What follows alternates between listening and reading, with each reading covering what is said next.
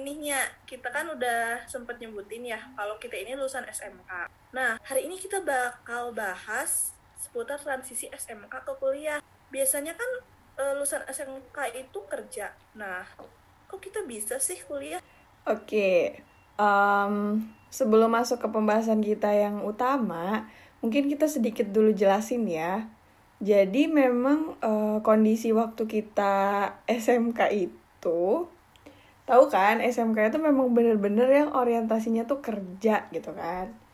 Contoh kecilnya aja nih, kayak kalau misalnya sekolah-sekolah lain itu eh, didatengin sama universitas-universitas, kalau sekolah kita itu yang promosi itu perusahaan-perusahaan gitu kan atau ya Iya, iya. instansi-instansi yang memang iya yang memang kerja gitu Nah, seingat aku juga ya, selama kita sekolah, ada pernah gak sih universitas yang promosi ke sekolah? kayaknya nggak ada Gak ada kan? iya bener nggak ada nggak ada yaudah deh langsung aja yuk Ndra kita obrolin Em, coba nih cerita dari kamu sendiri kenapa sih kamu tuh lebih milih kuliah daripada kerja Eh, apa ya? Karena menurut aku, kuliah itu salah satu jawaban dari doa-doa aku. aduh kok bisa sih kok bisa coba-coba cerita lebih banyak Tapi bener loh, jadi gini, pas aku di asrama nih, pas kelas 3, doa aku tuh kayak gini, aku masih ingat sampai sekarang. Ya Allah, mau aku kuliah atau kerja, aku tuh pengen masuk dengan cara yang benar gitu loh. Terus, emang keadaan aku pas lulus tuh aku masih umur 17 tahun kan. Nah, jadi aku emang lebih memilih kuliah sih, maksudnya udah punya bayangan. Eh, dari SD tuh, bahkan aku udah pengen kuliah loh. Luar biasa ya emang anak SD nih udah berorientasi kuliah. Luar Terus biasa. kalau kamu kalau kamu sendiri gimana nih? Kenapa sih memutuskan untuk kuliah dibanding kerja? Asik. Kalau aku ya sebenarnya dulu pertama kali aku daftar SMK itu tujuan aku masuk SMK itu biar lulus langsung kerja sih. Tau kan ini cerita lama asik. Tapi nggak tahu ya kenapa ternyata setelah aku masuk SMK gitu ternyata aku lebih pengen kuliah daripada kerja gitu. Dan kebetulan orang tua juga lebih saranin kuliah karena harapannya kalau kuliah tuh dapat kerjanya lebih pas gitu. Nah, ternyata setelah pas eh, mau lulus ada kesempatan apply beasiswa kuliah di Jepang ini ya udah deh diambil gitu. Mantap banget, Bu. Bener-bener ya eh, kesempatan dan keinginan itu pas gitu. Pas ya. Iya mungkin udah jalannya gitu asik. Oke oke oke next next next pertanyaan selanjutnya ya. Coba dong eh, Diandra nih Diandra. Coba nih kamu ceritain gimana sih proses kamu masuk kuliah mulai dari kamu daftar sampai keterima. Kalau aku bisa dibilang itu suatu ketidaksengajaan sih, Nya. Kok bisa sih? Iya, jadi waktu itu aku pas eh, apel makan siang waktu di SMK ya, aku tuh nanya salah satu temen aku namanya Dian, eh si Dian ke mana nih gitu? Eh ternyata kata teman-teman si Dian itu lagi daftar kuliah. Aku langsung lari tuh dari tempat apel ke ruang guru. Ternyata si Dian tuh lagi ngurus berkas gitu loh di ruang guru. Hmm. Yaudah deh aku langsung ikutin aja eh, dari siapin berkas, mulai dari isi formulir pendaftaran, urus nilai rapot, eh, apa sih nyal kon konversi nilai rapot gitu ya dari 1 sampai 4 ke 1 sampai 10 jadi pokoknya ngungkapin persyaratan semuanya dan ternyata pas dilihat penutupannya tuh besoknya banget Ya ampun. jadi hamin satu itu aku daftar ya udah besoknya ak- paginya pas aku langsung tes kesehatan bahkan aku ngebuat motivasi kuliah itu ya di tempat fotokopian Sumpah dong, ini aku beneran baru tahu dong cerita kamu kayak gini. Karena emang masa kamu baru tahu Iya, kayak aku tuh nggak tahu kalau sedramatis ini. Dulu aku taunya kayak ya oke oke aja gitu. kamu ke mana aja ce jadi pas semuanya udah beres aku sama dua teman maksudnya udah uh, membereskan persyaratan administrasi aku langsung ke kantor pos yang Kadipaten itu udah jam 3 sore eh ternyata tutup dong dan harus ke kantor pos Majalengka soalnya dia uh, bukanya sampai jam 5 udah takut banget gak bisa ngirim berkas kan harus minta cap posnya. Eh terus pas sampai Majalengka hujan deras banget. Kita lari dari angkot yang jaraknya tuh lumayan jauh ya ke dari pemberhentian angkot ke mana sih? Ke kantor posnya. Itu pokoknya berkas udah gak jelas bentuknya udah lecek. Oke langsung kirim-kirim aja deh luar biasa emang. penting dapet gitu. Asik. perjuangan banget ya berarti. Terus terus itu uh, kamu tahu pengumumannya kapan setelah drama-drama? Tahu pengumumannya tuh lama banget. Sampai aku tuh bahkan lupa kalau aku pernah daftar kuliah. Saking lamanya ya? Saking lamanya jadi lupa. Iya. Uh, H plus satu wisuda aku dapat SMS dari guru SMA kalau aku keterima. Udah deh. Yeay. Finally kalau kamu gimana uh, drama ya drama-drama daftar kuliah Uh, Oke, okay. versi aku ya. Cara singkat aja nih, karena kalau dijelasin tuh prosesnya tuh panjang kayak jalan kenangan. Jadi dulu um, waktu aku awal daftar itu, inget banget nih, itu tuh masih libur setelah ujian nasional. Jadi aku tuh posisinya hmm. lagi lagi balik ke Lampung karena waktu itu kita libur kan seminggu kalau nggak salah. Terus, ya kan Terus baru banget nih siangnya tuh aku baru banget nyampe rumah dong. Sorenya itu ditelepon kan sama guru kita, terus dikasih kabar nih kalau disuruh daftar kuliah ini. Nah, dan deadline-nya itu tuh pendek banget gitu. Jadi mau nggak mau aku tuh disuruh langsung balik ke SMK buat urus berkas, katanya biar cepet selesai. Bisa bayangin dong, itu aku baru nyampe banget, terus udah disuruh balik lagi. Kayaknya aku inget deh, itu kamu nelpon ke aku nangis-nangis tahu? Masa sih? Aku gak inget siapa? Pas kamu tahu aku harus balik lagi. Aku gak inget iya iya mungkin aja itu. Soalnya ya, ya bayangin aja gimana gak nangis nangis orang itu tuh perjalanan Lampung Majalengka tuh 20 jam. Dan besok paginya tuh aku langsung disuruh balik ke SMK dong. Ya. Terus ingat banget nih waktu aku balik tuh aku sampai Bandung tengah malam. Jadi terus ada ada temen kita nih yang baik menjemput Aziz.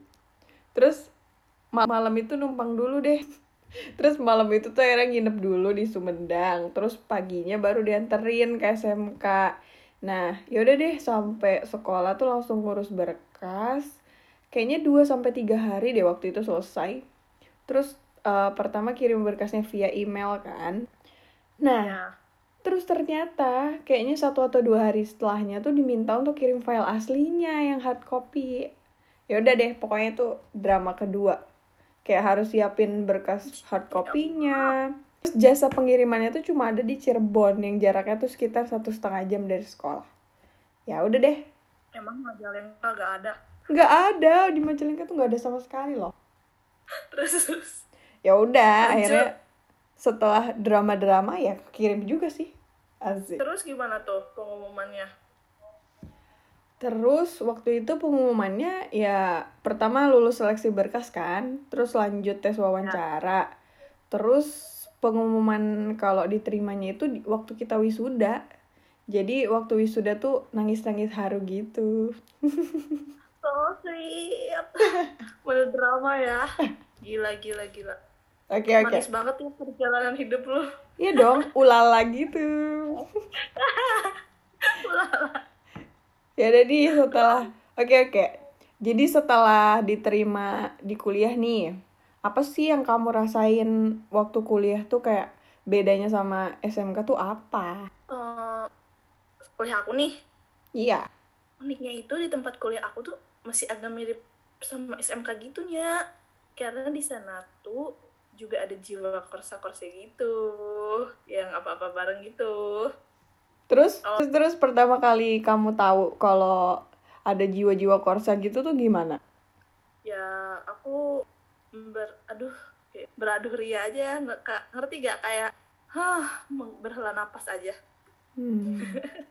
terus apa dong bedanya yang di kuliah sama yang di SMK ini aku cuman gimana ya ini aku cuma mendeskripsikan apa yang aku rasain ya bisa aja orang-orang tuh beda ngerasainnya gitu. Berdasarkan pengalaman aku aja. Aku sebenarnya tuh enjoy sama dua-duanya. Uh, walaupun ada yang aku gak suka ya aku ngerti kenapa hal itu harus terjadi gitu. Mm. karena keadaan yang buat itu terjadi gitu. Uh, situasi dan kondisi saat itu yang buat itu terjadi gitu.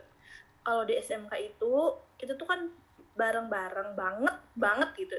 Tapi uh, aku gak ngerasa keputusan hidup aku tuh ada di aku gitu. Hmm. Keput aku pengen tuh jadi aku harus memikirkan orang lain terlebih dahulu gitu. Tapi justru hal itu yang buat aku belajar uh, toleransi. Karena dulu aku orangnya egois banget cuy. Ngerasa gak? Ngerasa. Ngebatin ya terus waktu di SMK itu mungkin aku aja sih yang ngerasa gini ya. Aku tuh penuhnya bisa ngeluarin uh, minat dan bakat aku gitu. Kayak terus uh, aku juga ngerasa uh, nggak bisa ngekontrol batasan diri aku gitu. Maksudnya gini uh, jadi semua orang tuh bisa mengakses informasi aku. Hmm. nah kalau di kuliah aku lebih punya privacy karena kan hidupnya juga ngekos kan jadi masing-masing. Hmm teman-teman di kuliah itu gak terlalu menjunjung tinggi korsa gitu. Kalau di SMA kan dikit korsa gitu kan. Lebih uh, slow gitu. Hmm. uh, tapi aku masih bisa ngerasain sifat korsa karena emang kita sering ada kegiatan bersama-sama juga di tiap minggunya tiap semesternya. Terus hmm, di kuliah juga uh, pengembangan diri aku tuh lebih kerasa gitu. Aku jadi tahu caranya buat event lebih ke pembentukan gimana ya? Lebih ke pembentukan karakter diri aku kalau hmm. di SMK nah kalau di kuliah lebih ke pengembangan potensi diri aku. Hmm. terus kalau sistem belajarnya ya secara keseluruhan hampir mirip sih. Karena kan aku uh, D3 yeah. jadi kayak udah di program gitu kan program di diploma namanya dulu. Kayak setiap ganti semester ada praktiknya. Kan di SMK juga sama. Sama deh pokoknya sehari harinya juga ke lapangan cuman uh, kalau di kuliah itu prakteknya gak cuman ke hutan lebih luas gitu. Ada ke hotel ke sekolah luar biasa ke uh, apa ya banyak instansi-instansi yang berkaitan dengan uh, wisata tapi bukan bener wisatanya gitu. Banyak deh pokoknya. Nah itu kayak jangkauannya Menurut lebih aku. iya iya jangkauannya lebih luas gitu kan kalau di kuliah? Iya. Hmm. sekarang gantian kamu dong. Apa sih bedanya saya sama kuliah pasti beda banget ya. Orang beda juga. Iya sih bener. Aku kalau aku sih secara keseluruhan tuh beda banget gitu. Kayak kuliah sama SMK ya 100% beda gitu. Kayak your life. Ya iya bener. Kayak semuanya tuh beda. Mulai dari budaya terus sistem pembelajaran terus temen-temen. Ya semuanya tuh beda banget gitu kayak hmm, ya pasti culture shock sih di tahun pertama. Kayak mulai aku, hmm. aku tuh dari belajar bahasa Inggris gitu. Dulu tuh aku tuh bener-bener nggak ngerti apa yang dosen jelasin tuh yang dosen omongin tuh apa. Kayak mungkin dari mungkin dari 100% yang dosen omongin tuh aku cuma ngerti sekitar 30% gitu. Karena masa sih? Iya karena emang banyak banget bahasa teknis yang dipakai gitu kan kayak buat ngejelasin term-term um, pelajaran gitu. Terus ya shock banget pokoknya tahun pertama. Terus kalau sistem belajar di sini itu sistemnya kita kita yang pilih kelas kita sendiri. Jadi kita nyusun jadwal kita sendiri. Pokoknya semuanya tuh serba mandiri. Ya awalnya ya belajar dulu sih sama senior senior kan. Terus ya lama-lama akhirnya menyesuaikan juga. Terus apalagi ya kalau budaya budaya juga bener-bener buat shock sih karena kan aku muslim ya. Terus di sini kan muslim tuh minoritas gitu. Um, dan teman-teman aku tuh dari beda-beda negara yang kadang mereka tuh budayanya ya beda banget gitu. Um, awalnya ada gak? apa? Contohnya ada gak contohnya contohnya ya. kejadian yang kamu alamin. Oh kayak susah susah ngejelasin ke mereka tentang budaya Islam tuh. Kayak misal tentang makanan tentang kenapa aku harus sholat lima waktu gitu. Ya gitu deh pokoknya susah awalnya. Cuma ya lama-lama ya biasa juga sih. Kalau buat aku sih satu semester itu uh, berat banget ya kalau buat aku. Selain selain dengan emang masa adat adaptasi yang ya shock. Terus juga jadwal kuliah semester awal tuh padat banget gitu. Jadi ya tahu sendiri masa adaptasi itu memang selalu berat sih Aziz. itu tiap orang tuh punya masa perjuangannya masing-masing gitu. Oke okay, eh, last question nih. Menurut kamu apa sih makna kuliah buat kamu? Makna kuliah ya. Bagi aku um, kuliah ini benar-benar new life sih kayak new challenge. Semuanya tuh serba beda semuanya tuh serba baru. Ini tuh bener-bener kehidupan yang aku nggak pernah bayangin sebelumnya. Asik. Asik gak tuh? Pokoknya baru deh.